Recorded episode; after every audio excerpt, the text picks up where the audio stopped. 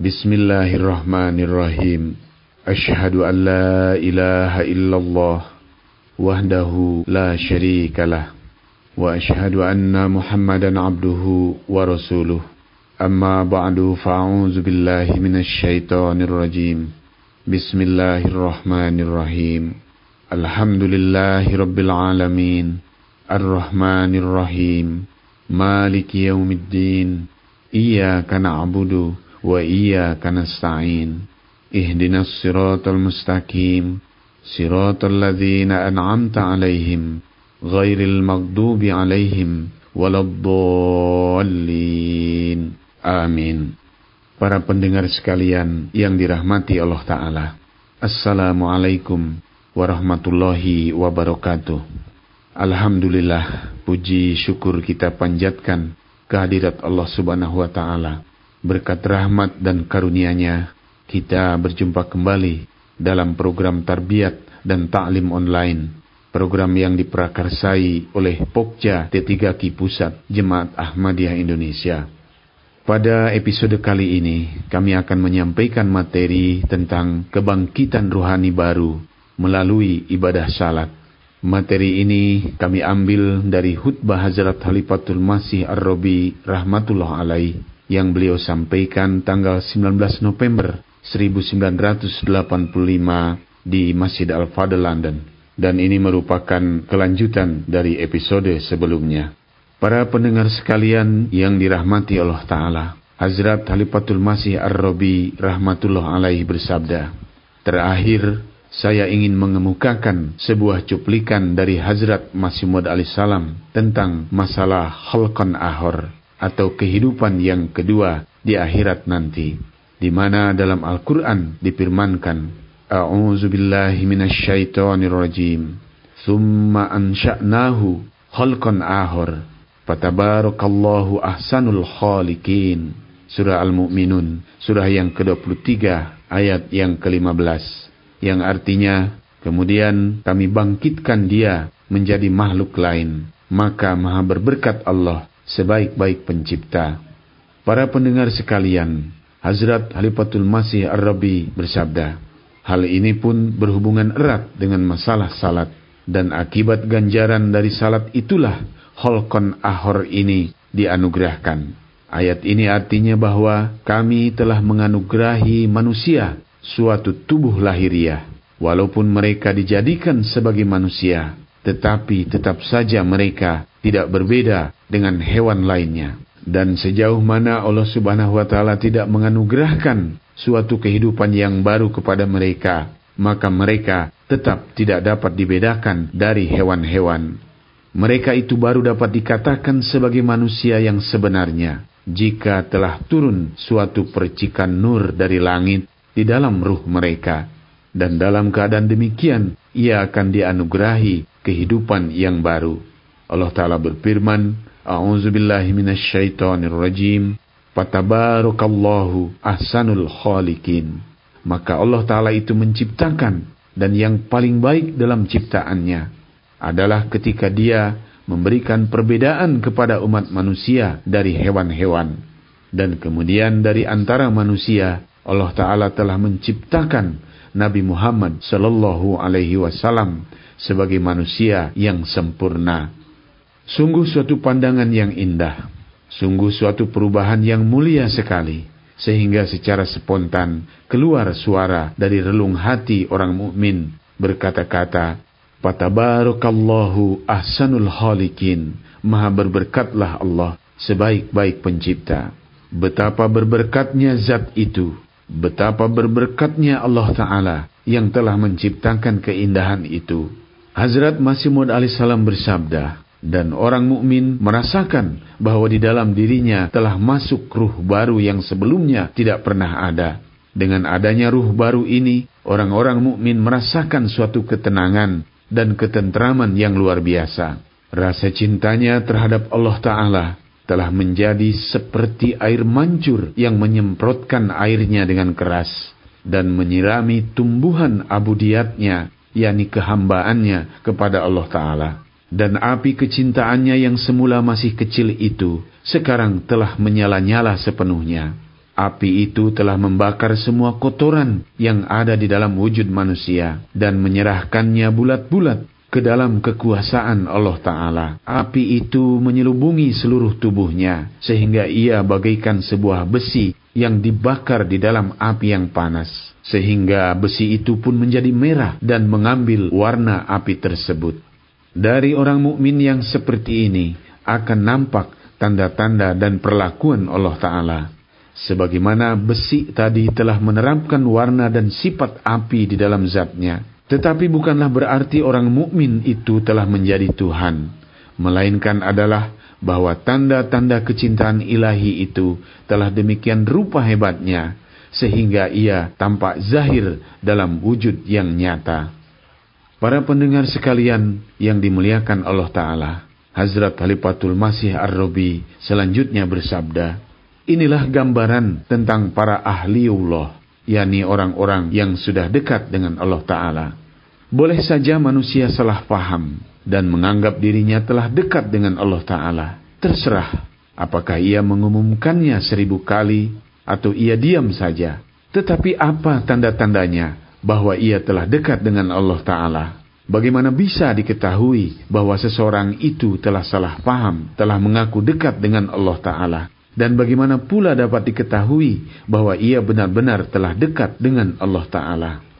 Hazrat Halifatul Masih Ar-Rabi bersabda, ada satu cara yang darinya kita dapat memecahkan persoalan ini, yaitu dari tanda-tanda yang dikemukakan oleh Hazrat Masih Maud alaihissalam, di mana beliau alaihissalam bersabda, melainkan adalah bahwa tanda-tanda kecintaan ilahi itu telah sedemikian rupa hebatnya, sehingga ia nampak zahir dalam wujudnya yang nyata dan di dalam batinnya tetap terdapat kehambaan dan rasa merendahkan diri.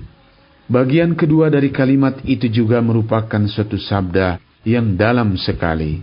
Kadang-kadang untuk mengetahui kebenaran Hazrat Masih Maud salam memang cukup dengan cara memperhatikan satu-satu kalimat beliau saja. Jika seorang insan yang memiliki fitrat yang baik telah mendalami sabda-sabda Hazrat Masih Maud salam maka ia tidak mungkin menuduh bahwa beliau alaihissalam adalah seorang pendusta. Semua makrifat ini adalah bagikan rahasia-rahasia yang terpendam di dalam. Kemudian orang yang bisa menerangkan makrifat ini hanyalah mereka yang telah memasuki kedalaman tersebut.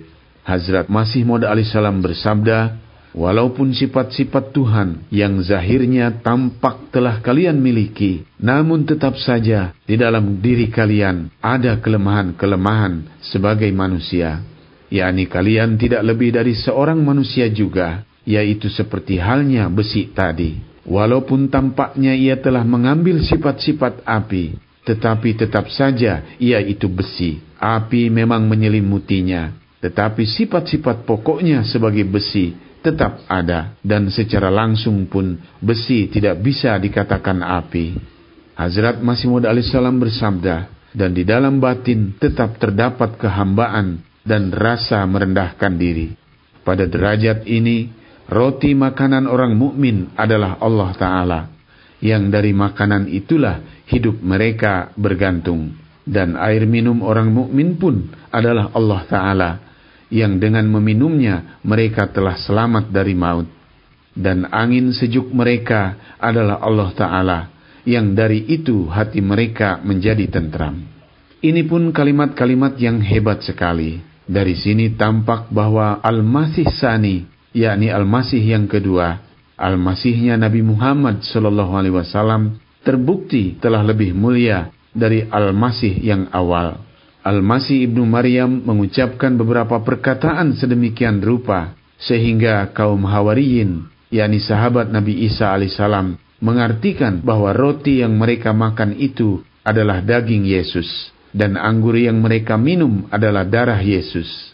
Tidak ada yang mereka pahami dari perkataan beliau itu selain membuatnya sebagai tradisi saja dan mereka tidak pernah memperhatikan apa sebenarnya yang dimaksud dengan memakan daging Yesus? Apa yang dimaksud dengan meminum darah Yesus itu? Sungguh suatu pemandangan yang menjijikan di mana disebutkan memakan daging dan meminum darah junjungannya mereka sendiri. apa sebenarnya yang dimaksud dengan perkataan beliau alaihissalam itu sehingga mereka telah mengartikannya demikian. Dan seluruh bangsa Kristiani tidak ada yang dapat memahami hakikat yang sebenarnya dari perkataan beliau alaihissalam tersebut sampai sekarang. Hazrat Masih Maud alaihissalam sebagai Al-Masih Sani yang merupakan Al-Masih bagi Nabi Muhammad SAW juga mengucapkan kata-kata yang mirip demikian. Tetapi yang beliau katakan bukanlah tentang diri beliau, melainkan tentang Allah Subhanahu wa taala. Nah, Hazrat Masih Maud salam telah membuktikan bahwa makna perkataan Al-Masih awal itu adalah sebagai berikut. Pada derajat ini, roti makanan orang mukmin adalah Allah Ta'ala, yang dari makanan itulah hidup mereka bergantung. Dan air minum orang mukmin pun adalah Allah Ta'ala, yang dengan meminumnya mereka telah selamat dari maut. Yakni Allah Ta'ala adalah suatu sarana kehidupan orang-orang mukmin. Allah Ta'ala adalah suatu sarana kekuatan orang-orang mukmin. Tanpa Allah Ta'ala, mereka tidak akan bisa hidup. Jadi seandainya saudara-saudara menginginkan suatu kehidupan, maka buatlah hubungan sedemikian rupa dengan Allah Ta'ala. Sehingga seolah-olah Allah Ta'ala telah merasuki tubuh saudara-saudara. yakni tampak seolah-olah Allah Ta'ala telah menyatu di dalam gerak-gerik saudara-saudara. Dan Allah Ta'ala telah larut di dalam darah saudara-saudara. Serta mengalir di seluruh pembuluh darah tubuh saudara-saudara. Jadi inilah masalah yang ingin dikemukakan oleh Hazrat Al-Masih yang dulu, yakni beliau menyatakan bahwa jika kalian ingin menjadi suci, maka cintailah daku sedemikian rupa sehingga seolah-olah aku ini telah masuk ke dalam wujud kalian. Tetapi sayang sekali kata-kata beliau alaihissalam itu ternyata terlalu tinggi bagi orang-orang yang berakal dangkal sehingga orang-orang itu tidak dapat memahaminya sampai sekarang.